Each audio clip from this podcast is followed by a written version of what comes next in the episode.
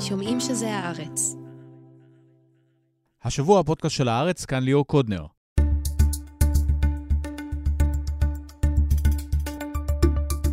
בעוד שהמגעים על עסקת השבויים נמשכים, משתנה גם הפעולה הקרקעית של ישראל בתוך רצועת עזה. את יניב קובוביץ' נשאל האם המטרה של הפעילות הזו היא להפעיל לחץ על יחיא סינואר. בהמשך, על מערכת החינוך בצל המלחמה, אדם ורטה, שהיה מורה בתיכון, שילם מחיר גבוה על עמדותיו הפוליטיות.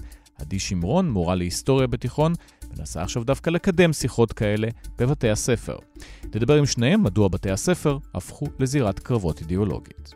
ולבסוף גם על המכתבים של חגי עמית למרי מדנמרק. הם טיילו יחד לפני יותר מ-20 שנה בדרום אמריקה, וחזרו להתכתב אחרי 7 באוקטובר.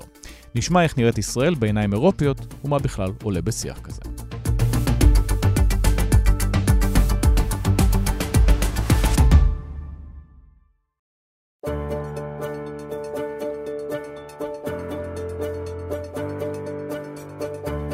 116 ימים למלחמה בין ישראל לחמאס. שלום יניב קובוביץ'. שלום. אז נדבר עכשיו על הלחימה הקרקעית בתוך המנהרות, אחרי הרבה זמן שצה"ל אמר אנחנו פועלים למעלה, עכשיו פועלים למטה בח'אן יונס? פועלים למעלה ולמטה. הטענה היא שאנחנו, זו פעם ראשונה שיש צבא שעושה את זה, אני לא בדקתי, אה, מוכן לבדוק את זה לפרטי פרטים בהיסטוריה, אבל באופן אינטנסיבי כל כך, זאת אומרת שמתמרנים ממש מעל הקרקע ומתחת לקרקע, זה משהו שהצבא גם לומד תוך כדי, זה באמת מתבצע בלמידה. צה"ל שלשום, אה, אוגדה 98 בח'אן יונס, נכנסו למנהרה. עכשיו, לא, בהתחלה ההוראות היו לא להיכנס למנהרות. זאת אומרת, אתה רואה מנהרה, יש פיר, תפוצץ את הפיר, תעזוב, תדלג, משום שחמאס מחכה לנו למטה. לפני יומיים, אה, בח'אן יונס, כוח של אה, אוגדה 98, פשוט מתמרן, נכנס לתוך המנהרה לאורך קילומטר. זה תמרון עמוק, זאת אומרת, לפעמים על הקרקע, התמרון הוא כל כך קשה, שמתקרבים, אה, מצליחים להתקדם 200, 300, 400 מטר. ביום. בלחימה, ביום, כן. משום שהלחימה מאוד קשה. להתקדם קילומטר בתוך מנהרה, עכשיו בואו נגיד לכולם איך זה מעדות ראייה, אז אנחנו מדברים בסוף על מקום נורא צר, נמוך יחסית, בלי הרבה אוויר, חושך מוחלט. הלחימה כולה עם אמצעי ראיית לילה על העיניים. שאם נפתח אש, אז אין באמת לאן גם לברוח, אתה יכול להיצמד לקירות, אבל אתה במנהרה, מספיק שהוא יירה לכיוון והוא יפגע, אין... אה, ולכן הכניסה הזאת היא גם דורשת הרבה הכנה לפני. זאת אומרת, יש לצה"ל את כל האמצעים הטכנולוגיים כדי לוודא אם uh, המנהרה היא ממולכדת או לא ממולכדת, אם מחכים להם, לא מחכים להם, מה קורה בתוך המנהרה, ואז נכנסים לתוך התמרון התת-קרקעי הזה. שמה המטרה שלו? אבל למה להתקדם בתוך המנהרה כשאמרו לפני זה אנחנו לא יורדים למנהרות ולא מתקדמים? זה מסוכן מדי, אין שם מה להשיג, יש המון מנהרות גם. אז דבר ראשון, לפחות ממה שצה"ל למד, חמאס לא באמת האמין שצה"ל ייכנס לתוך המנהרות לשלוף אותם מבפנים. המלכודים עד עכשיו, אה, צריך להגיד, אה, טפו טפו טפו, הם, הם בפירים, ומפה מסיקים שחמאס מאוד הופתע מהעניין הזה שצה"ל ממש נכנס. אבל התקדמנו קילומטר, אמרת, עכשיו יש, אה, לפי הדיווחים של צה"ל, 500, אולי 600 קילומטר של מנהרות, הרי אה, לא נתקדם עכשיו שנתיים כל פעם קילומטר. קודם כל צריך להגיד את האמת, צה"ל לא יודע כמה מנהרות יש. אנחנו שמענו מטרו ושמענו מלא סיפורים, כשרואים את זה בעיניים וכשאנחנו מדברים עם מפקדים, למרות המודיעין שהיה, היה מודיעין, לא צריך לה, להגיד שלא היה, זה לא 0 או 100, אבל צה"ל לא ידע ולא יודע כרגע באמת על איזה סדר גודל מדובר. העומקים שלהם, העומקים שלהם, זאת אומרת, יש מנהרות, אה, זה מחולק, יש אה, הגנתי, אה, טקטי ואסטרטגי. שתסביר לנו מה זה אומר. שהאסטרטגי זה מה שקורה, מה ש... איפה, איפה שהבכירים, נכון. עכשיו, העומקים שלהם, ואיך שהן מדופנות, ואיך שהן בנויות, זה נועד למנוע הפגזות של חיל האוויר, זאת אומרת, קריסה של... עומקים כמה? 20 אנחנו, מטר, 30 מטר? אנחנו מדברים גם על 50 מטר עומק. ממש בונקר. לגמרי, ו- וזה לאורך קילומטרים, ויש להם סניפי, אה, סנפים כאלה, זאת אומרת, הם, הם מתפזרות לכל כיוון. אתה יכול להיכנס בצד אחד של ח'אן יונס ולצאת בצד השני, ובתוך המנהרות הטקטיות האלה הם הוכנו גם לחטופים, לשבויים, למה שהם רצו ותכננו. אה, ולכן אלה מנהרות הרבה יותר גדולות, הרבה יותר משמעותיות. יש גם מנהרות שהן נועדו ל... להכניס בתוכם רכבים. אמנם רכבים קטנים, רכבי שטח, יש כאלה יותר גדולות, אבל רואים רכבי שטח קטנים. ממש כביש מתחת לאדמה. לגמרי, כדי להזיז את האנשים, לברוח ממקום למקום, או להכניס uh, ציוד uh, לוגיסטי ל... ללוחמים שלהם, לחמאס. ובסופו של דבר אנחנו מדברים, אנחנו לא יודעים באמת כמה מנהרות, משום שלי שיצא, אני, יצא לי להסתובב בח'אן יונס, יצא לי להסתובב כמעט בכל הרצועה שם, הפירים זה לא פתאום, הנה, מצאנו פיר, בואו תראו, זה ממש בכל פינת רחוב. לאט לאט מתחילים להבין גם את ההיגיון. הרבה מהפירים שהם, אה, לדוגמה, כן, אה, תעשייה צבאית שלהם, פתאום מגלים שזה ליד הצירים המרכזיים, במנהרות, שיש גישה לשנע את האמל"ח. זאת אומרת, אפשר להוציא את הטיל ולירות על תל אביב. או שהוא מייצר, והוא צריך עכשיו להעביר את זה לאנשים שלו בחזית. מהמפעל האספקה. אז הוא עולה על הציר, בדיוק, הוא עולה על הצירים, או שהוא יוצא ממנהרות ומגיע דרך הצירים. אז, אז רואים איזשהו היגיון. או שאם, אה, יש ממש, רואים מתחמי לחימה, אם אתה שם לב שיש אה, מסגד, בית ספר או גן ילדים, ממש בסמוך, מעין איזשהו קומפלקס, כמעט ב-99 אחוזים, שאתה תמצא שם גם מנהרה. מתחילים להבין את ההיגיון של איך שהם בנו את זה. זה לא, זה לא כל אחד תפס שם את חפירה והתחיל לחפור מנהרה, זה לא, זה לא האירוע. מבצע מתוכנן, השקיעו בזה המון המון כסף. לפי דיווחים בתקשורת הזרה, אגב, ישראל ממש מצא מפות של המנהרות, עוד דיבבו אנשי חמאס שסיפרו להם איפה הן עוברות. בדיוק, וזה, וזה גם נמצא יעיל מאוד. בסוף חמאס הבין שהוא לא יכול להילחם בצה"ל, כן? אין לו מטוסים, אין לו שריון, אין לו את הכוחות האלה. אה, צה"ל מכה בו מעל הקרקע, באמת מכה בו קשה מאוד, ולכן הוא נערך לספוג את זה במנהרות. הוא הופך לכרית רכה, צה"ל מנסה ומנסה ומכה, והם בסוף למטה. עכשיו, צה"ל כן מצליח להיכנס, צה"ל מבין שאי אפשר מהאוויר לסיים את הכל, אי אפשר באמת להגיע לכל מנהרה או להציף אותה או לפוצץ אותה גם. צריך להיכנס להבין מה קורה במנהרות האלה, וכשנכנסים למנהרות, אז, אז גם רואים פריטים פתאום של החטופים.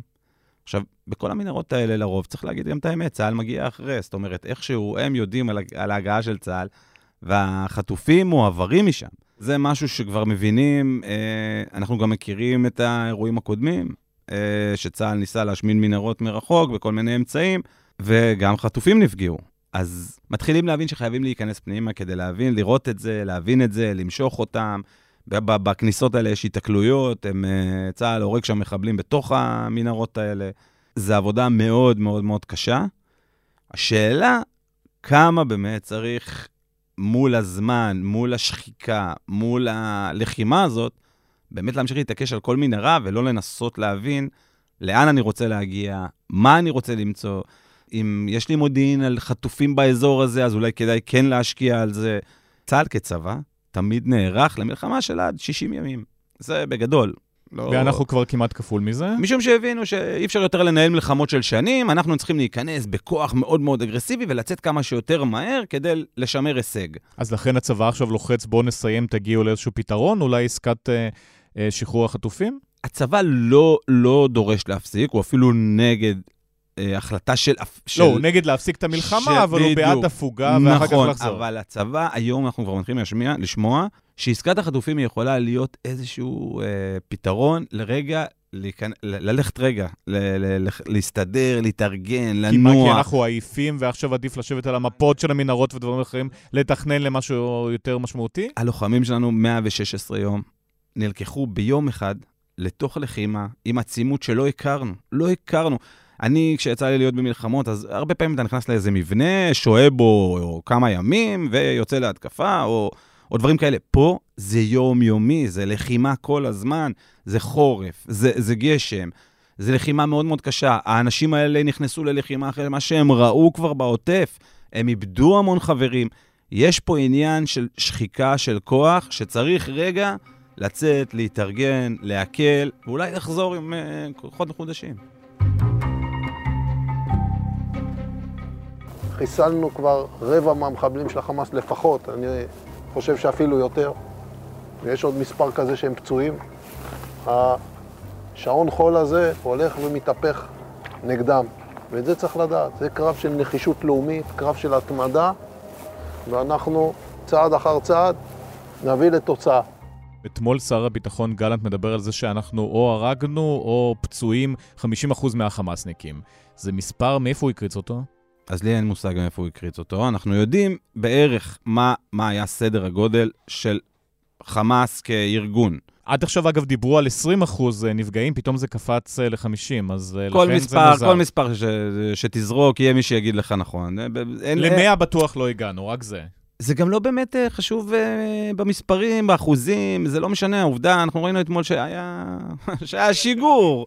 אנחנו רואים שהצבא כל יום נתקל בהיתקלויות, אז, אז מה זה רלוונטי? עכשיו, אם, אם הוא איבד אותם, אז הוא יגייס מחר מגיל 16 פעילים, בסדר? זה לא, זה לא הדרמה.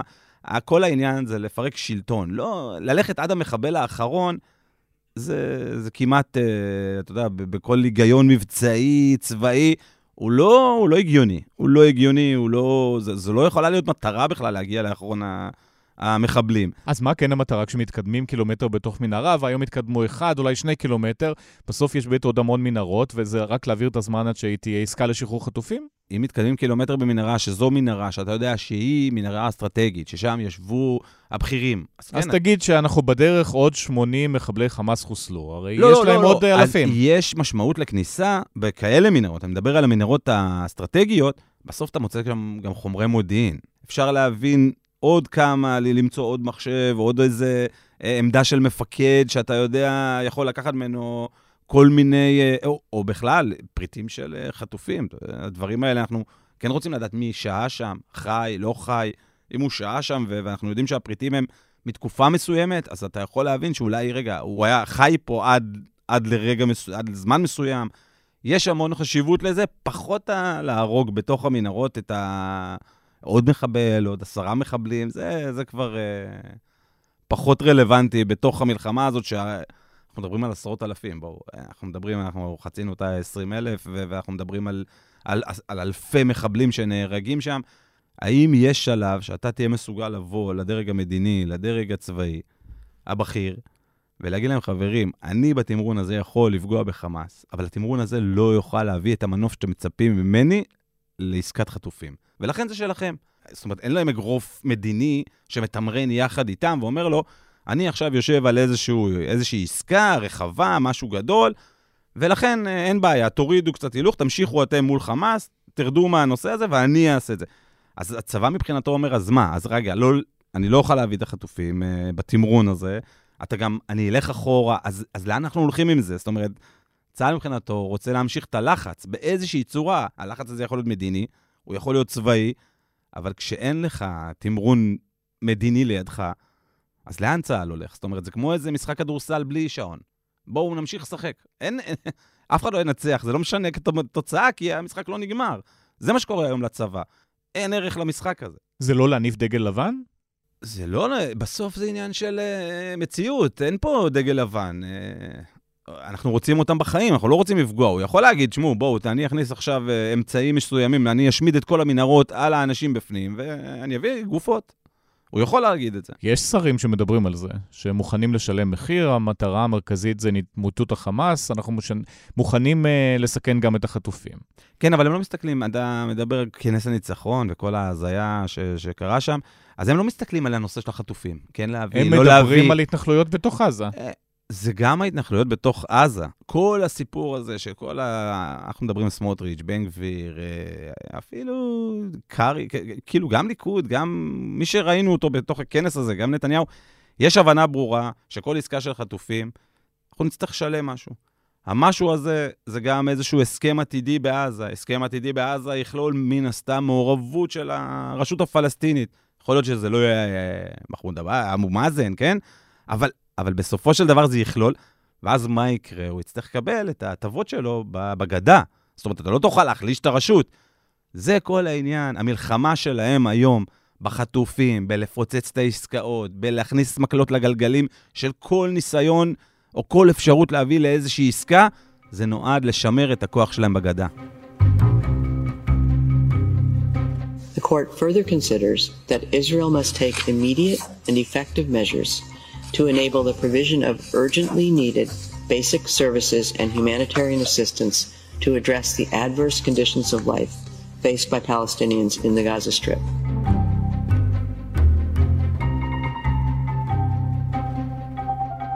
מבחינת הוראות בית הדין בהאג זה מחלחל גם למטה לשטח, או שזה דברים שלא הגיעו, עדיין אה, המלחמה נמשכת כמו שהיא, נמשכת הפגיעה בפלסטינים, וגם המזון והסיוע ההומניטרי לא זורם מספיק. אז צריך להפריד. יש האג, למעשה כן לוקחים את זה בחשבון, בטח בצבא. בטח בצבא, אי אפשר... הבינו את המסר. אי אפשר להתעלם. הם כרגע מרוכזים בשני נושאים מאוד מאוד משמעותיים מבחינתם. אחד זה הסיוע ההומניטרי.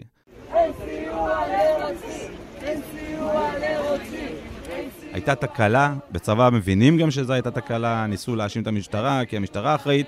אותן אה, הפגנות של... אה, פעילי ימין עם קצת משפחות של החטופים. בדיוק, אנחנו... הדבר שקראו לזה זה בעצם מש, הפגנה של משפחות החטופים. היו גם משפחות חטופים, אוקיי? שצריך להגיד את האמת. היו יותר ש... מאחת. היו, היו גם ח... אנשים שבאו ממשפחות החטופים, אבל הדבר הזה מאורגן מסביב, עם פעילים. אנחנו ראינו שם אפילו חיילים שעוצרים את ה... לצורך מה? לא לאפשר את החיילים, זאת אומרת, לא כקבוצה מאורגנת, איזושהי מחלקה. בודדים שהחליטו לקום ולצאת ולהיכנס להפגנה הזאת ולחסום. איזושהי הפגנה פוליטית שמנסים לקבוע עובדות בשטח. ממש. אז באמת לא נכנסה אותה שיירה לעזה במשך כמה ימים. בצה"ל מבינים את העניין הזה, אתמול כבר היו קצת יותר אגרסיביים. הכריזו על זה שטח צבאי סגור כדי להכניס את המשאיות. בוודאי, כן. זה הכרחי להמשך הלחימה, זה הכרחי להמשך של המשא ומתן. אה, ודבר נוסף שצה"ל מנסה להתמודד איתו, זה אותם סרטונים של החיילים שיוצאים מתוך הרצועה. כל ההשוואה לעמלק, על חזרה לגוש קטיף, ולהשמיד את כולם, ואנחנו רואים את זה גם קצינים שמוציאים כאלה. בזה צה"ל התחיל להילחם, הוא מתחיל להדיח כאלה קצינים, גם יתחילו להטיל את האחריות המשמעתית, הפיקודית, על מפקדים שחיילים שלהם יוציאו את זה החוצה. לאותם סרטונים יש, יש משמעות גדולה, גדולה מאוד אפילו, על, ה, על הפגיעה ב... בכל הנושא הזה מול האג, מול התדמית הציבורית שצה"ל מנסה כל הזמן בבינלאומי להתמודד איתה. סרטון כזה של איזה סגן אלוף שעכשיו בא ומדבר איתך על uh, מלחמת קודש שהולכים לבנות מחדש וצריך להשמיד וטרנספר, זה, זה פיגוע, פיגוע הסברתי עבור צה"ל. אומרים לו מראש, אל תעלה, ואם הוא מעלה, אומרים לו, תעוף מהשירות אם לא תמחק את זה? אז א', כבר הודיעו לכולם, ומנסים להילחם עם הכניסה של פלאפונים, שאפשר לעשות יותר. צריך להגיד את האמת, צה"ל אפשר את זה, זה גרפיטי בכל מקום, אנשים מדברים בכל מקום, הסרטונים יצאו בגלוי, הרבה פעמים הם חשופים, אנחנו רואים מי הם, כן? וצה"ל התעלם מזה. אפילו באיזשהו מקום הוא די פחד מזה להיכנס, שזה לא ייתפס איזה משהו פוליטי. פוליטי כן. בדיוק, מה, אתה מוריד לו את הגרפיטי הזה, אתה מוריד לו... בצה"ל מבינים שאי אפשר, שכל הנושא הזה משפיע גם על המשמעת המבצעית, שאתה מתעסק בדברים האלה, שיש לך זמן לגרפיטי, ולבנות בית כנסת, ולהקים כל מיני מוצגים uh, כאלה ואחרים. דגל ישראל פה, דגל ישראל שם, תח... מעל מסגד, מתחת למסגד. בסוף זה שטח לחימה, וזה שטח לחימה עם הרבה אש. כל עיסוק בכל דבר שהוא לא הלחימה, לא שמירה על החיילים שלך, לא שמירה על החברים שלך, זה הפקרה שלהם. אין, אין פה, זה לא משנה לי מה הגרפיטי בכלל. דיברנו יותר מ-20 דקות על מה שקורה בדרום, בוא נסיים עם הצפון, מה קורה שם? בצפון זה מתחיל אה, להתכנס לאיזשהו אה, ניסיון של כל הצדדים להגיע למשהו מדיני, משהו בינלאומי, מעורבות. גם זה לא הולך, וישראל מחממת מנועים, אומרת אולי לא יהיה מניעה ותהיה פה מלחמה, אולי פיקוד העורף מדבר זה שצריך להדריך את הציבור, מה עושים במקרה של, במקרה של מלחמה מול חיזבאללה? נכון, אבל, אבל מנגד כן נערכים למצב שזה לא יצליח. זאת אומרת שכל הנושא המדיני, ואז צה"ל יצטרך להחליט מה הוא עושה עם זה. יש משהו שאנחנו שומעים מאחורי הקלעים ככה מהאנשים, אנחנו זוכרים איך התנהלה האופוזיציה בראשות נתניהו כשיאיר לפיד חתם על אותה עסקה לאסדת הגז. צעקה וצעקה. כן, ואיך הם התנהלו, והטענות שחיזבאללה השפיל אותנו, והם מסכנים את הביטחון שלנו, ולכן הם די חישקו את עצמם. קשה להם היום לבוא לאיזושהי עסקה בלבנון ולהציג את זה כאיזו עסקה ביטחונית ראויה, חשובה. הרי גם שם לא ישבנו מול חיזבאללה. וגם פה אנחנו לא נשב מול חיזבאללה.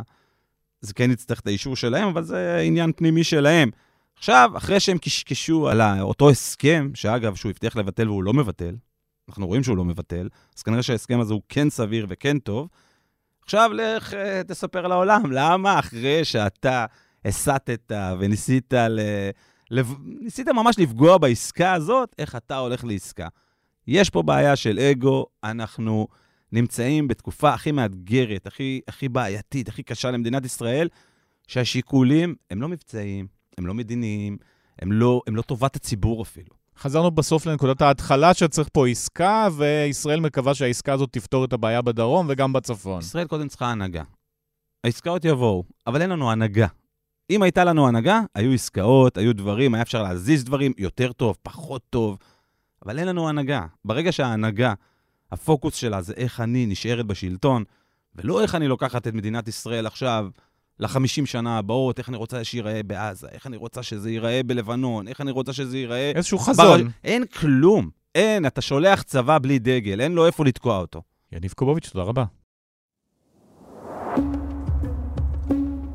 לפני מספר חודשים, כשבן גביר ומאבטחיו צעדו בגינה בשכונת רמת החייל, שעתה קבוצה גדולה של חניכי שבט דן במחיאות כפיים ובצהלות.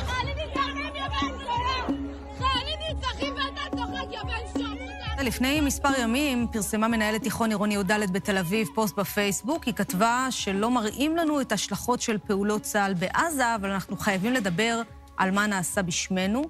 זו מנהלת שנקראת לשימוע בגלל הדברים האלה ובגלל הדברים הנוספים על ידי עיריית תל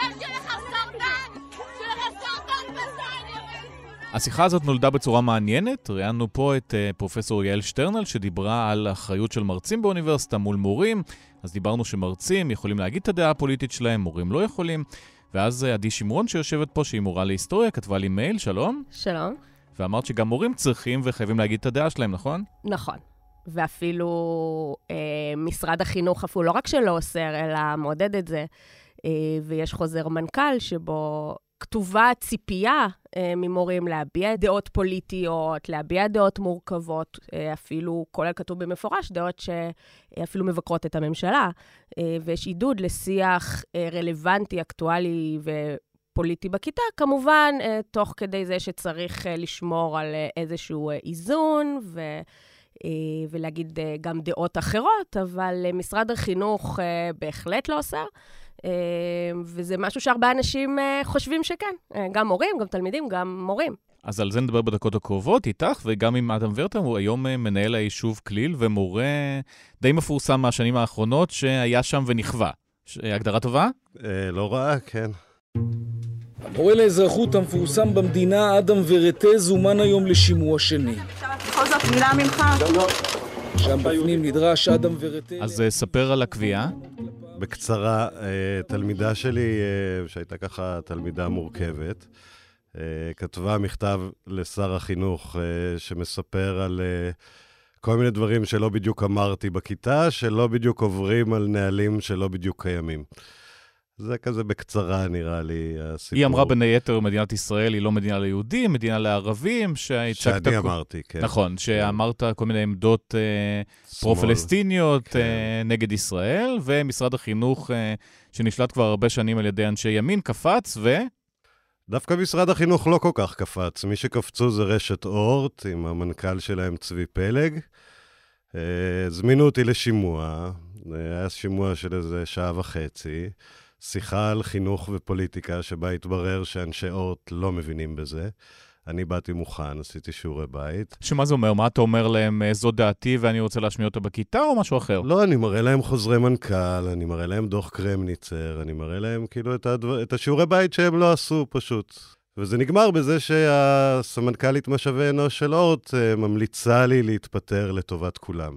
זה כאילו, ככה נגמר השימוע. אז לא התפטרת?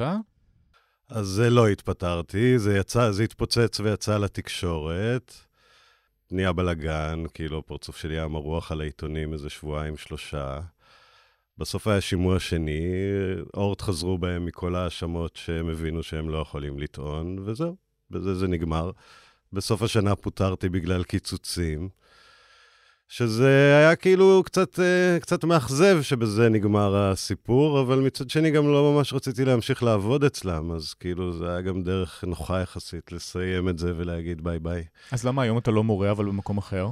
אה, המשכתי ללמד אחרי זה איזה שש שנים, אה, בתיכון אנתרופוסופי בטבעון. בזמנו היה לי חשוב שיהיה לי שעות גם בחינוך הציבורי וגם בחינוך האליטיסטי. בחינוך... אז אליטיסטים היו מוכנים לבלוע אותך ובציבורי לא? אה, נראה שכן, נראה שככה זה היה, כן. למה הסערות האלה באות אה, מימין ולא משמאל? איזושהי אמירה שטוענים שהמורה שמאלני, אז הימנים קופצים, ולא היה מקרה הפוך שפיטרו איזשהו מורה שאמר אה, שצריך להרוג את כל הערבים. היה, יש מקרה אחד מפורסם של ישראל שירן, שתמיד uh, מביאים אותו, שהוא, נדמה uh, לי, אמר איזה משהו על רצח רבין. לפני 30 שנה? כן, משהו כזה כנראה.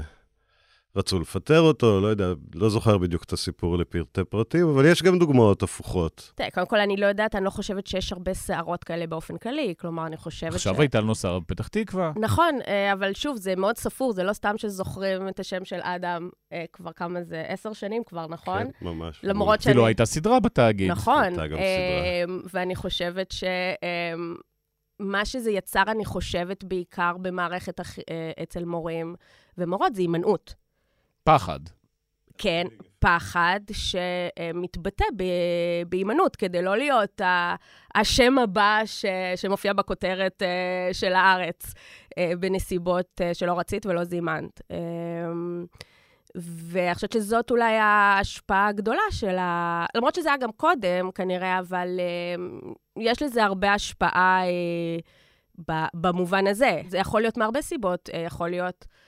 אמ, אתה יודע שגם מורים בדרך כלל לא, לא, לא מביעים אה, דעות ימניות אה, במערכת החינוך הממלכתית. כלומר, זה קשה להגיד למה זה אם לא עושים איזשהו מחקר, אבל אני חושבת שבאופן כללי, אה, רוב הדברים שקורים לא מגיעים לתקשורת, ומה שמגיע לתקשורת גורם לאנשים לא לרצות להגיע למקום הזה. בגלל זה אני גם עכשיו, לאחרונה, ממש התחילה המלחמה, פיתחתי את ההכשרה שאני מעבירה בבתי ספר. לאיך אה, לדבר על אקטואליה בכיתה. למה בכלל אבל צריך לדבר על אקטואליה בכיתה? למה אי אפשר להגיד שפוליטיקה זה בחוץ? פה אנחנו לומדים היסטוריה, לומדים אזרחות, לומדים מתמטיקה, לא פוליטיקה. כי התפקיד של מערכת החינוך הוא לחנך, ואנחנו מדברים הרבה על אה, רלוונטיות, אה, שמערכת החינוך צריכה להיות רלוונטית. עבור התלמידים והתלמידות. אבל רלוונטית אפשר לדבר על מחזור, שזה מדברים הרבה עם הילדים שלי, כי זה לא מאוד שנוי במחלוקת. אומרים להם, תביאו בטריות, תזרקו את העיתונים לשם, לא מדברים איתם על uh, כיבוש שטחים uh, ודברים מהסוג הזה. וזה רלוונטי להם לדבר על מחוזור? זה מעניין אותם? זה מסוכן ממחזרים, בסוף הם ממחזרים. ממחזרים, כי צריך, בדיוק. צריך uh... משהו שמאחד שאפשר לדבר עליו. אז מדברים כשהם יותר קטנים על צחצוח שיניים, אחר כך עוברים למחזור, קצת שירים של ביאליק באמצע. אנחנו צריכים, התפקיד של מערכת החינוך זה לתת להם הכנה לחיים. זה להכיר להם את העולם, זה לתת להם רלוונטיות. אמ, בטח שעכשיו זה סופר חשוב, כי אנחנו, ילד קם בבוקר להותר לפרסום, נהרגו 21 חיילים, ועם הדבר הזה הוא צריך להגיע, ואף אחד לא מסביר לו את המציאות הזאת. אז... אבל מה תסביר לו? תגידי לו, יש ערבים רעים, או הפוך, אה, תגידי לו, זה סכסוך אה, מאה ומשהו שנה, זה מורכב, ואנחנו לא צריכים להיות בתוך עזה וצריך לשחרר את החטופים, זה גם מורכב. לא זה ולא זה. אני חושבת שמה שצריך לעשות... אה, וזה משהו שמאוד קשה לעשות uh, כרגע. Uh, זה לא זה ולא זה, בדיוק כמה אמרתי לתלמידים שלי. המצב הוא מורכב, ומה שאני רוצה, בקוצר זמן, שתזכרו שזה מורכב. אבל זה גם קצת כמו מחזור, מורכב זה לא שנוי במחלוקת, אז אומרים להם, זה מצב מורכב, מישהו חושב ככה, מישהו חושב אחרת, אין משהו נכון, נחרץ. נכון, אבל מה הוא חושב? מה הוא חושב? ואז את אומרת, אני חושבת שצריך uh, לצאת מהשטחים, או הפוך, uh, להקים עוד 100 התנחלויות? לא, אני חושבת שצריך להציג להם, קודם כל ללמד. קודם כל אין ידע. אני חושבת, גם מחקרים מראים את זה, אבל מי, ש, מי שמכיר את המערכת יודע, לא מלמדים את זה במכללות להכשרת מורים. אז אני מורה להיסטוריה, וגם הרקע האקדמי שלי והמקצועי הוא בתחום. אז אני מכירה, יש מורים לאזרחות. אבל יש מורים, אה, יש שיעורי חינוך, אוקיי? לא הכל זה מקצועות. בהרבה מאוד מקצועות לא מלמדים את זה. אז מורה שאין לו את הידע, כי הוא לא למד את זה, הוא יודע מתמטיקה, או היא יודעת לשון, אז הם לא יודעים להסביר את זה. אבל היא קוראת עיתונים. קודם כל לא בטוח, אוקיי? כמו כל אחד הוא שונה. שאני חושבת שזה קריטי, אבל כל אחד הוא שונה. וגם הידע שלך צריך להיות הרבה יותר מעמיק. אתה לא יכול אה, אה, להסתמך רק על מה שקראת בעיתון. עכשיו, היום אנחנו נמצאים במצב שגם אנחנו לא מבינים את המציאות. גם אנחנו חסרי ביטחון, גם המבוגרים מבולבלים. עכשיו, ברגע שאתה אמור לבוא ולתת לילדים את המסגרת, את הביטחון, להסב... אתה אמור להיות הבן אדם שיודע להתנהל בעולם, ואתה לא יודע, אז אתה צריך, קודם כל צריך ללמד לא תלמידים, צריך לעזור למורים ולמורות להתמודד עם זה, אם זה ברמת הידע, אם זה ברמת הכלים, אוקיי? כי יש, זה יוצר הרבה מאוד מצבים מורכבים. אבל אין מספיק, אין מספיק שעות. הורידו בשנים האחרונות, בעשרות השנים האחרונות מאוד, את השעות של לימודי ההיסטוריה, אזרחות, כל מדעי הרוח.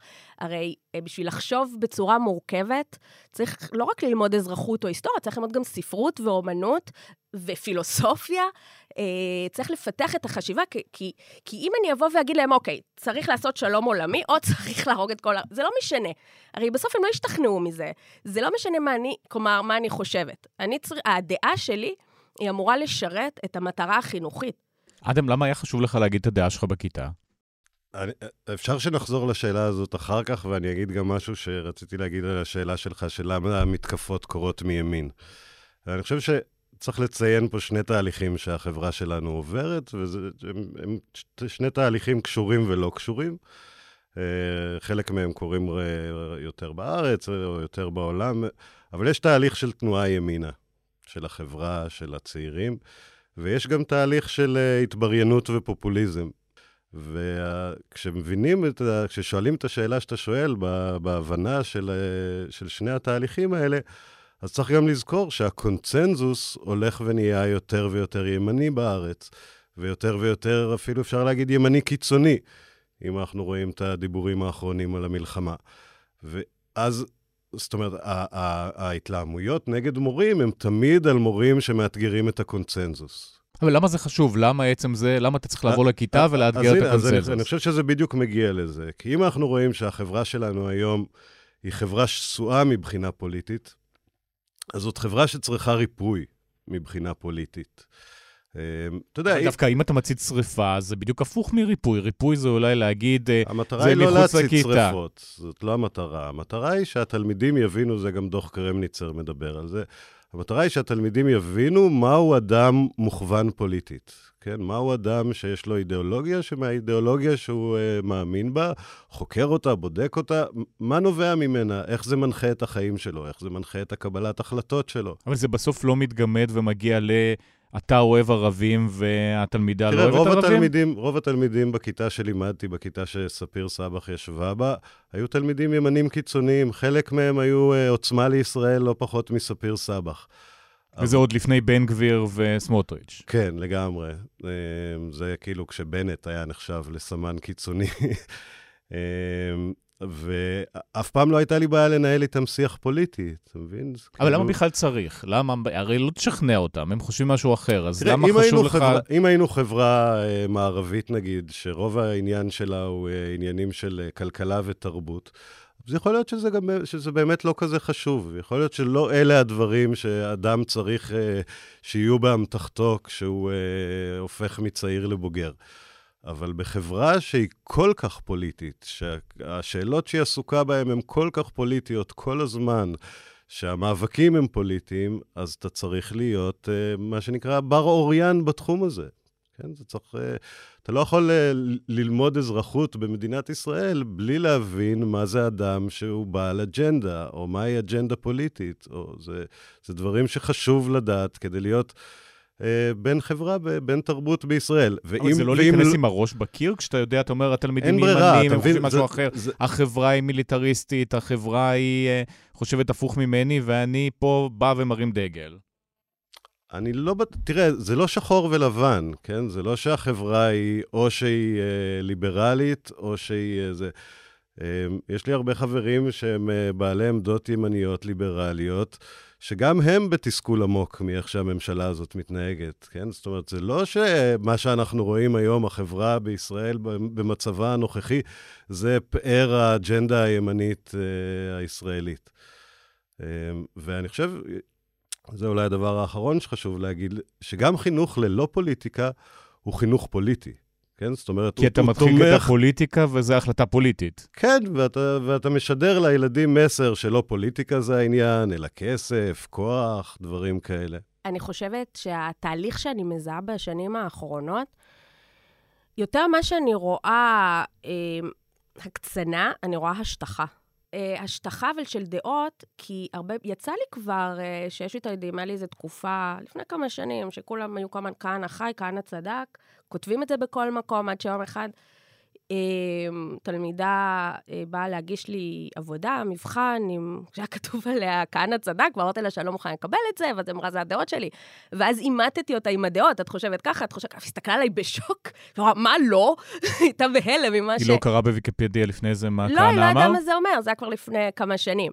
אז אה, אני חושבת שהרבה פעמים אומרים דברים אה, בלי באמת, כלומר, כשאנחנו אומרים, הם חושבים שכהנא צדק. הם לא, לא תמיד, אני לא רוצה להכליל על כולם, אבל לא תמיד הם באמת מבינים את המשמעות לעומק, שוב, כי אף אחד לא מלמד אותם. כמו שלא, אנחנו לא מלמדים אותם איך בכלל, כאילו, מאיפה הגיעו פלסטינים, איך הם הגיעו לאיפה שהם היום, מה הם רוצים. אנחנו לא מדברים על זה, יש הימנעות מאוד גדולה במערכת מזה. כי בשיעורי היסטוריה לא מדברים על, לא על פלסטינים, לא על נכבה, לא על כיבוש. לא, בשיעור, זה נמצא בחומר, דווקא, דווקא היסטוריה זה נמצא, אבל... מדברים על הקמת המדינה ומלחמות. אה, נכון, אבל בהיסטוריה ספציפית זה נובע גם מאוד מ... כלומר, כן מדברים על הנכבה, דרך אגב, זה... יש הרבה מיתוסים שהם לא נכונים. אה, אומרים נכבה בשמה? נכבה בשמה, אה, אבל אה, יש בחירה מאוד קשה שצריך לעשות, כי מאוד מקדמים את הדברים שהם סקילס, שהם תועלת אישית. אה, שזה מתמטיקה, מדעים אה, במגמות ואנגלית, שהם כולם את מקצועות... בנט הזכרנו, זה בדיוק הייתה בדיוק. האידיאולוגיה שלו. עכשיו, אני לא אומרת, זה חשוב, זה נהדר, אה, באמת. אבל התוצאה, שהורידו המון המון שעות ב- בהיסטוריה, ואז אומרים, למה לא מלמדים את זה? ועכשיו אומרים נכבה. אבל יש שלוש שעות בשבוע להכין כיתה לבגרות. אז כמה זמן יש לי לדבר על הנכבה? וספר זמן... הלימוד אבל לא מגיע לגמרי מתפיסה ישראלית, אה, אולי מפאיניקית, אולי אפילו הרבה יותר ימינה? ישראלית ברור, אני חושבת שזה לא דבר רע. אנחנו מערכת החינוך הישראלית, ואנחנו מחנכים נוער ישראלי. אבל אמרת שצריך להבין את כל התמונה, ואני לא גם נכון, גם אנשי ימין צריכים לדעת מה זה נכבה. נכון? לצורך העניין אומרים, מלמדים בצורה מפורשת, שכשהיהודים הגיעו לארץ כבר היו פה ערבים והרבה יותר, ואומרים בדיוק כמה. אה, וראיתי כבר כמה תלמידים שאמרו, וואלה, לא ידעתי. כלומר, אין. אבל אז אומרים הם עזבו מרצונם החופשי בטח. לא, לא, לא. אומרים, הברחנו, תראה, בוא לפחות נגיד, זה לא חלק הנושא מהם. הכי מרכזי, בסדר? כלומר, אני חושבת שזה לא, לא הבעיה, זה לא העניין. שם דווקא יש הרבה חופש לי כמורה להיסטוריה. אה, אני חושבת שזה גם בסדר שבהיסטוריה מלמדים, בישראל מלמדים את הנקודת מבט הישראלית, זה אמור להיות ככה. אבל אה, אני חושבת שהעניין הוא שאין מקום לזה, כמו שתלמידים שואלים שאלה, ואני רוצה לענות ואני רוצה לפתוח לשיח. השיקול שאני תמיד צריכה לעשות, האם אני פותחת את זה עכשיו 20 דקות, או האם אני מלמד אותם את החומר שאני צריכה לקראת הבגרות?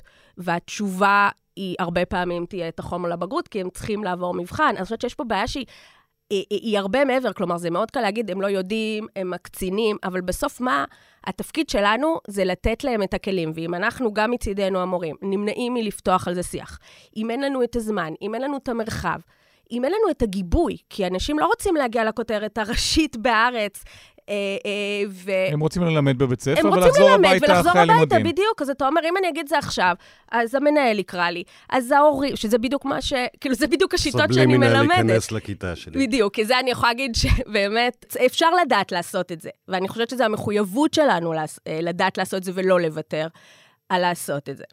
אבל אני חושבת שבסוף, התפקיד שלנו זה, זה לחנך אותם. בסוף השיח שלהם, אני חושבת שחשוב לתת דעה, להגיד דעה, כי צריך להיות דוגמה אישית. אני לא יכולה להגיד לכם, לך צריכה להיות דעה ולי אין דעה. אני הולכת מסביב.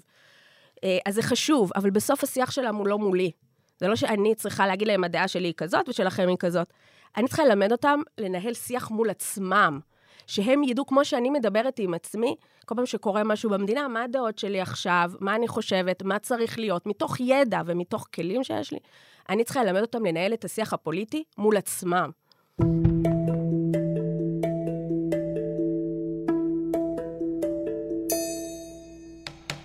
למה בישראל זה מתפוצץ בתיכונים, ואם בשיחה עם יעל שטרנר דיברנו על ארצות הברית, אז שם דובר בעיקר על אוניברסיטאות. פה הסיפורים בדרך כלל מגיעים מתיכון, בני 15, 16, 17, 18. תראה, זאת סוגיה מאוד מעניינת בארץ, וגם uh, בהערה, אני, רק חשוב לי לציין שבאמת התלונות של מורים על השחיקה בשעות ובשכר, זה תלונות שהן uh, לפחות בנות 20, כן? זאת אומרת, היום אנחנו כבר במצב ממש ממש ירוד בחינוך הממלכתי של הסוגיות האלה, זה, וזה לא חדש.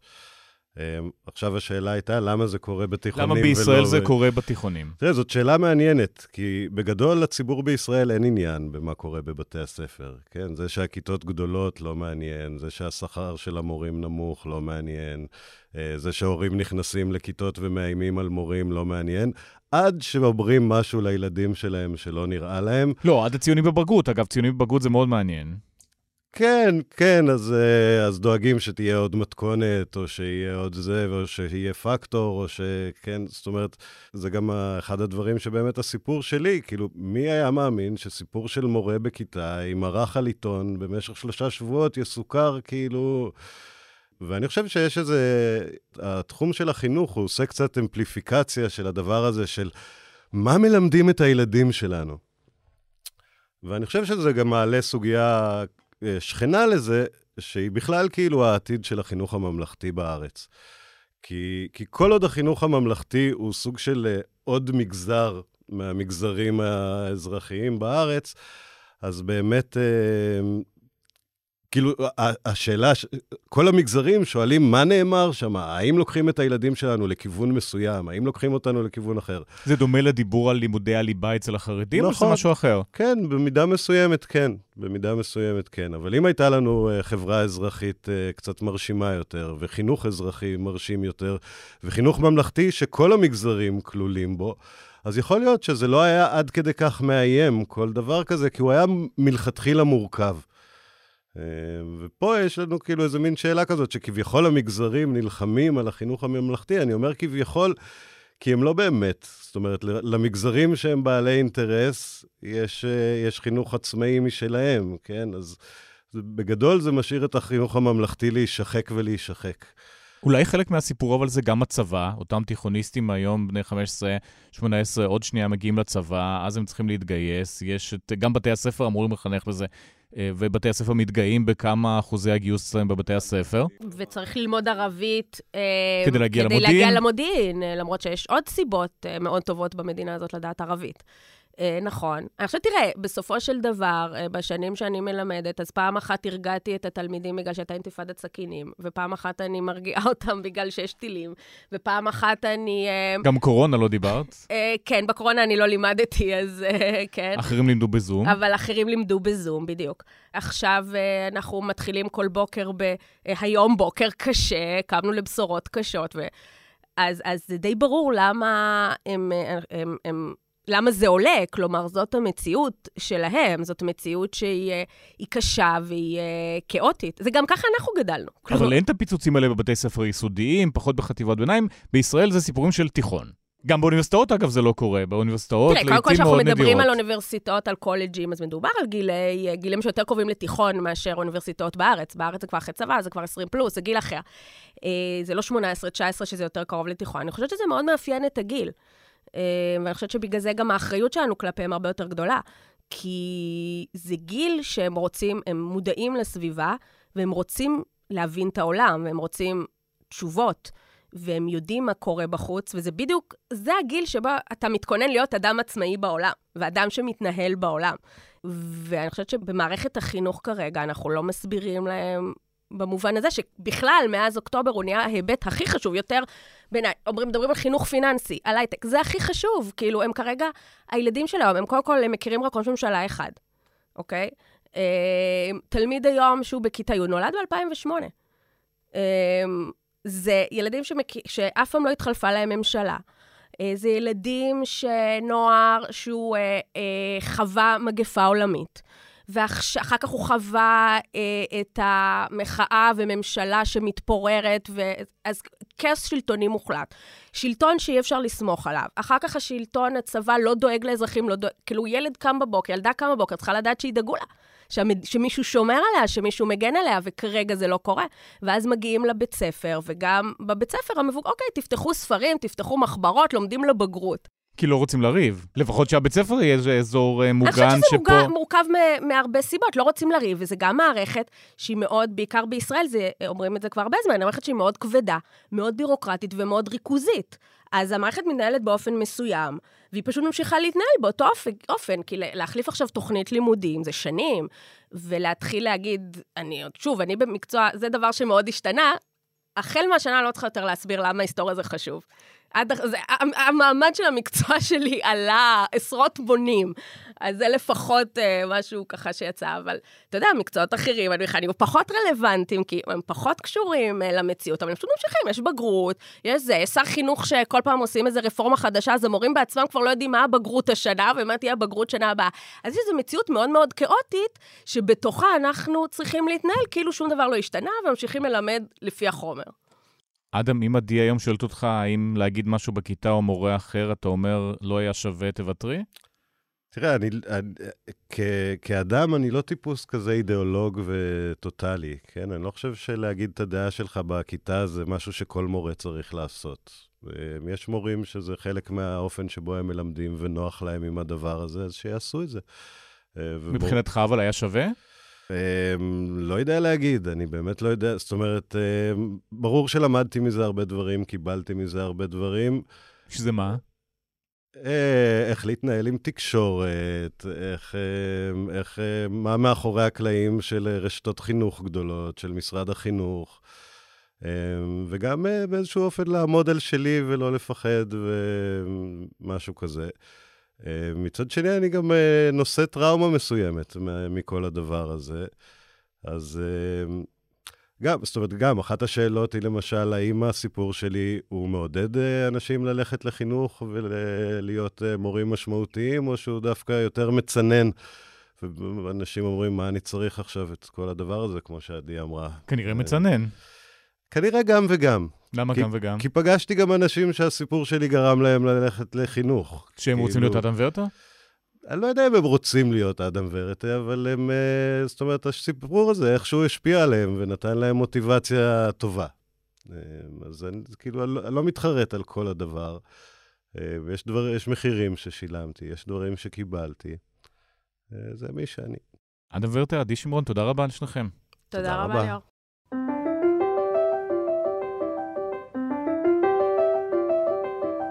חגי עמית הוא עורך דה מרקוויק, שלום. שלום. אז ספר לנו על מרי.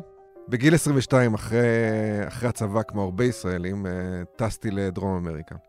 אה, הגעתי לשם לבד, אבל אה, רוב הזמן התחברתי לכל מיני קבוצות של ישראלים. באחת מהקבוצות האלה שהתחברתי אליה היה צמד דנים של בחור ובחורה ידידים שטיילו יחד איתם. זה היה די מצחיק, זאת אומרת, באמת אה, זוג סקנדינבים כאלה עם חבורה של חיילים משוחררים, שאני הצטוותתי אליהם. ישראלים מיליטנטים מול דנים בלונדינים? אה, כן, כן. אני זוכר חבר שלי פעם הגדיר את זה בתור, אה, כשהוא דיבר על אה, כל מיני אה, קשרים ומגעים כאלה, שזה מין אה, איילה חסרת ישע בתוך קבוצה של, אה, של ציידים או וכולי. וזהו, אני, אני התקרבתי אליהם במיוחד, כי המטרה, בעצם תמיד כשאני בחו"ל אני מחפש באמת אינטראקציה עם זרים ופחות ישראלים. ואני זוכר, החוויה המרכזית הייתה מאוד של uh, התלהבות מלספר להם על uh, ישראל באנגלית. זאת אומרת, התחושה שכשאתה מעביר את זה, את ההוויה הישראלית uh, למישהו זר, זה נשמע הרבה יותר uh, מרגש ומגניב מאשר uh, היום-יום שלך פה. הם נורא התעניינו, ויותר uh, הסיפור של קיבוץ גלויות, והמבנה הסוציו-דמוגרפי של ישראל, ו... והשבטים והרבדים שהחברה הישראלית מתחלקת אליהם. וכן, גם הסכסוך, למרות שאני תמיד אומר שאיכשהו חיילים לא מתעסקים בסכסוך. זאת אומרת, הם לא מתעסקים, פלסטינים אה, לא מעניינים חיילים, ואנשים בני 21, הצבא הוא מין איכשהו דבר שהפלסטינים לא קשורים אליו בצורה הכי מוזרה שיש. אז שמרת איתה קשר עד עכשיו, בעצם יותר מ-20 שנה אתם בקשר מהפייסבוק? התנתקנו עד, אה, לדעתי, בטח 2011, שבאמת פייסבוק אה, נפתחה, ואז אה, מצאתי אותה שם ברשת. ממש חיפשת, נכנסת, אולי משהו מלפני 20 שנה אני, את הקשר? אני, איך שפתחו את פייסבוק, חיפשתי כל דמות מהעבר שלי, החל מבית ספר יסודי וגם טיול אחרי צבא, כן. זה מין... ואז הודעה ראשונה מה? סתם מין כזה דש מהעבר, וגם אחרי הטיול ההוא כן נשארנו בש... בקשר מכתבים וכולי. מכתבים פיזיים? כן, מכתבים פיזיים, על נייר. שמה כותבים בהם? האמת שהפער, כשחזרתי מהטיול ההוא בדרום אמריקה, הפער היה עצום, כי בערך חודשיים אחר כך גייסו אותי לשירות מילואים, ואני זוכר את עצמי יושב ומנסה לכתוב למישהי אירופאית על מה זה שירות מילואים ומה אתה עושה עכשיו. שוב, חוויה צבאית, וזה מחזיר אותך, אני רוצה לכתוב על זה לדנמרק. כן, זה משהו שבאמת הוא כל כך מנותק ממציאות של טיול אחרי צבא, כל כך מנותק מההוויה האירופאית באמת. אז עכשיו אנחנו מגיעים ל-7 באוקטובר, שאז מה חשת דחף לכתוב לה מה העניינים? זה די מוזר, כי ב-7 באוקטובר נכנסתי לרשתות בשביל, כמו כולם, בשביל להבין מה קורה בישראל. ובין כל המבול של ההודעות האיומות, קפצה תמונה שלה ברכבת לילה מקופנהגן לפריז. ו... מציאות לגמרי אחרת. כן, כן. נרדמת בקרון שינה, פשוט. ו... וזה מציאות אחרת לגמרי, זה קפץ לי. כמה ימים אחרי כן אה, כתבתי לה. אה, זאת אומרת, הרגשתי שאני נורא רוצה אה, להבין, להבין איך באמת זה נראה מעיניים אירופאיות, מה שקורה פה. שמה, המטרה זה הסברה ישראלית להסביר מה עובר עלינו, או לשמוע מה הם חושבים עלינו, או לנהל איזשהו סוג של שיח, להרגיש נורמליים עוד פעם? להרגיש נורמלי, להיזכר שיש עולם מחוץ ל... למלחמה שמתרחשת פה. להבין אם האנטישמיות היא באמת כל כך חזקה כמו פה. זאת אומרת, אה, יש לי משפחה בשוודיה, יש לי משפחה בקליפורניה, ובכל המקרים האלה, דווקא התגובות שקיבלתי הן שהאנטישמיות היא לא איזה אירוע כמו שהתקשורת הישראלית משדרת אותה, ורציתי, דווקא שמה, רציתי להבין מה קורה בקופנהגן. אז אתה כותב לה שזה ימים שלראשונה אני שואל את עצמי, האם ישראל היא המקום היחיד בעולם שבו אני יכול לחיות? רציתי לדעת כיצד המלחמה הזאת נראית בעינייך כאירופאית וכמי שהכיר את הצד הפלסטיני מקרוב. כן. לפני uh, משהו כמו חמש שנים, היא פתאום כתבה לי שהיא מגיעה, מגיעה לישראל, כן. אבל היא לא באמת הגיעה לישראל. היא לא באמת הגיעה לישראל, אבל זה, כאילו, זאת אומרת, זה היה באמת, אה, זה היה לפני חמש שנים, וזה היה הגשמה של חלום, אה, לרגע זה נראה כמו הגשמה של חלום של, הנה, אני אוכל, אוכל להראות את ישראל כמו שרציתי להראות אותה, ואז הסתבר שהיא מגיעה לרשות הפלסטינית באמת. בשביל uh, באמת... Uh, מה, להתנדב שם? היא, היא מורה מחנכת, והיא רצתה... Uh, הגיעה להתארח אצל מורים פלסטינאים כדי להכין ביקור של ילדים דנים ברשות. הגיעה לרמאללה. והיא לא יכלה להגיע, ל... גם המארחים שלה נורא נפגעו מעצם הרעיון שהיא תבוא לבקר בישראל. אה, אני לא יודע מבחינה חוקית הייתה לה בעיה או לא. בקיצור, בסוף כן הצלחנו לארגן פגישה בירושלים, בעיר העתיקה, על קו הגבול, כמו שאומרים. אה, וישבנו, ניגמנו חומוס, והיה מאוד נחמד. היה באמת אה, חזרה אחורה לעוד פעם הסטייט הישראלי, שמסביר את המציאות הישראלית לעיניים הערביות. יש משהו, כמובן, ברגע שאתה מדבר על דברים באנגלית, אתה עובר על זה, אתה לוקח זווית של צד שלישי, זה נהיה אנתרופולוגי, זה נהיה... כל, כל הסכסוך הוא פחות כואב כשאתה מסביר אותו באנגלית למישהו זר בעצם, כשאתה לא נמצא פה בתוך, ה, בתוך האירוע לרגע. אז ב-7 באוקטובר, כשאתה כותב לי את הדברים האלה, מה היא עונה לך חזרה? אה, אז היא מאוד נזהרה. זאת אומרת, זה... כי אנחנו כאלה דוגרים, אנחנו כותבים בצורה ישירה, אתה כותב אני רוצה לעזוב את ישראל, והיא רוצה להיות בסדר עם כל הצדדים הרבה יותר דיפלומטית? אני כתבתי בעיקר על הכאב. כן כתבתי על, אה, על זה שהאירועים הנוכחיים אה, לראשונה כן מעלים בי את השאלה אם זה המקום היחיד שאני אחיה בו.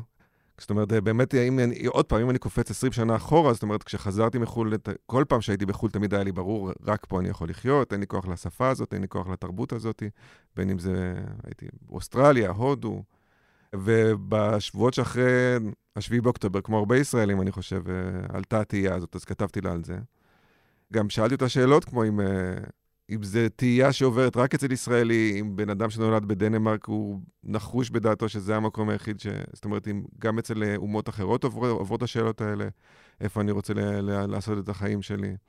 מה המשמעות של לאומיות בשביל כל אחד? כאילו, בשביל ישראלי, הלאומיות הישראלית היא סוג של קו מנחה בחיי יום-יום תמיד נראה לי, ורציתי להבין אם בכל מקום זה ככה. היא כותבת לך כבר ב-96, דיברת איתי בעיקר על נתניהו וצבא. כן, שהישראלים, זאת אומרת, זה, גם כן, 96 זה כהונה ראשונה של נתניהו. למעשה באמת הוא... הוא נבחר בזמן שהיא הייתה בטיול שם. אני, זוכר, אני זוכר את, את עצמי יושב שם ושומע על אה, פתיחת המנהרה וכל מיני... אה, זה. זאת אומרת, זה היה קצת טיול ש... סוג של אה, עדיין נסענו אליו כשישראל הייתה אומה שוחרת שלום בתוך תהליך אוסלו, ו... ותוך כדי הטיול ישראל השתנתה בעצם.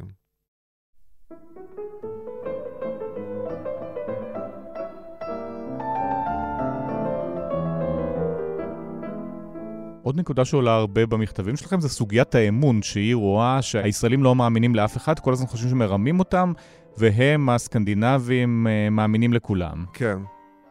זה גם כן, זה דברים, זאת אומרת, אז לא הבנתי את זה, זה משהו שהיא אמרה באמת שהדנים ספציפית מדורגים עם אה, רמת האמון הגבוהה ביותר בעולם.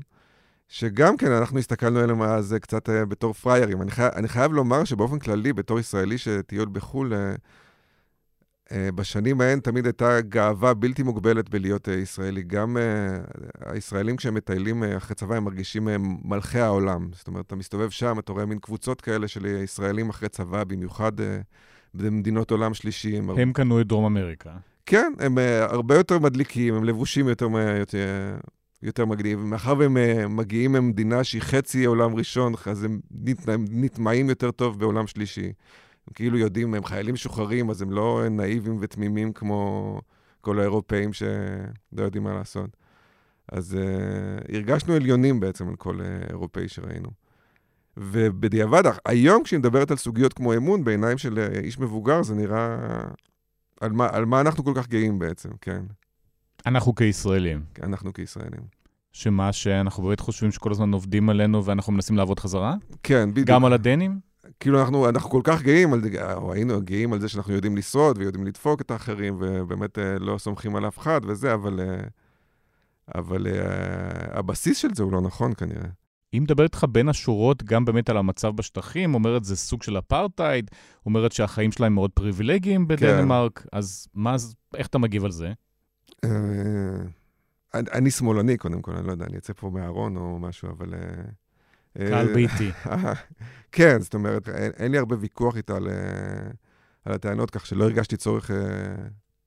גם, לא, גם לא, התכתובת היא לא מתוך רצון אה, למאמצי הסברה או משהו. כן? לא, אבל אתה כן מיד כותב לה זוועות החמאס, ומנסה לקחת את זה גם לסבל ו... הישראלי. אז היא מאוד, היא מאוד זהירה, זאת אומרת, היא מאוד נזהרה, כי היא מראש אומרת, שום דבר לא מצדיק את הטבח והזוועות, ו... הרצח, תשובה מאוד דיפלומטית, ואז מגיע אבל. של, הרצח של המון.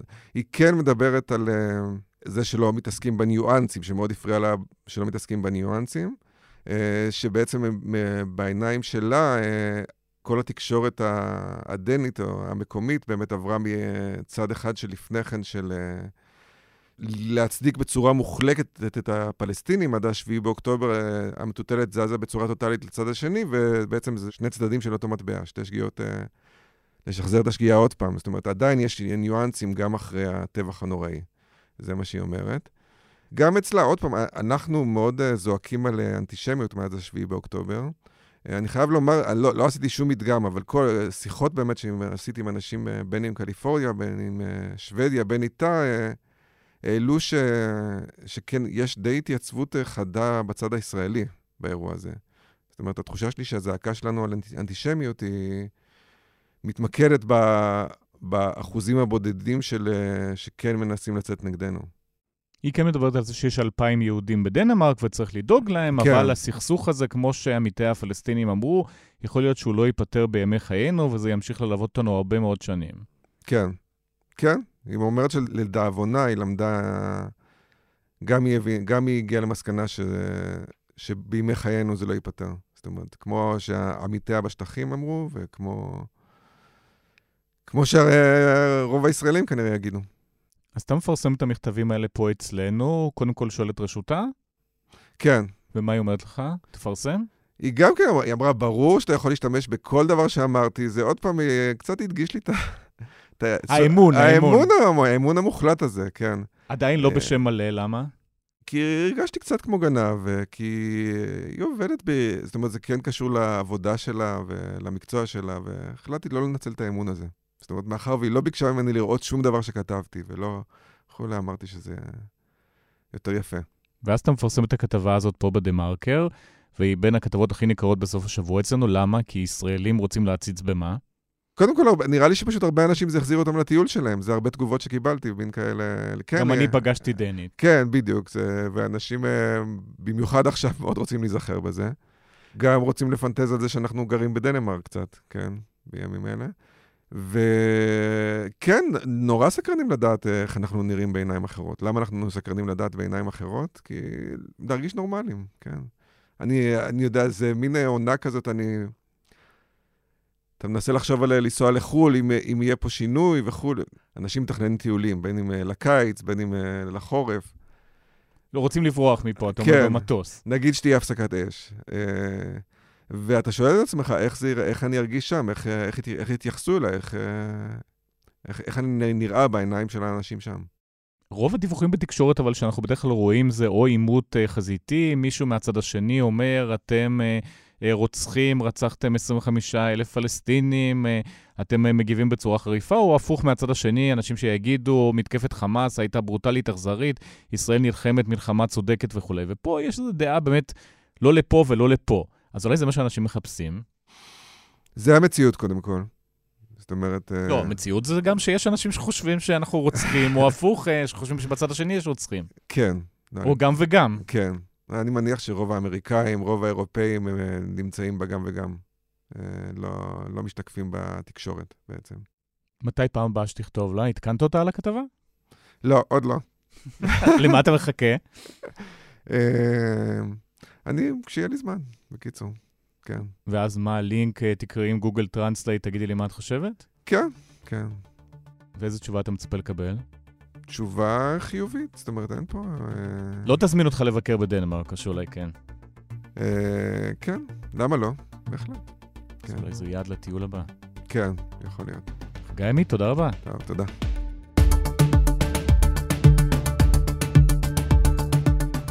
עד כאן הפרק השני של השבוע לשבוע הזה, בצוות ניצה ברגמן, אמיר פקטור, אסף פרידמן, דן ברומר, נערה מלקין ואברי רוזנצבי. אני ליאור קודנר, נהיה פה שוב ביום חמישי הקרוב. עד אז, להתראות.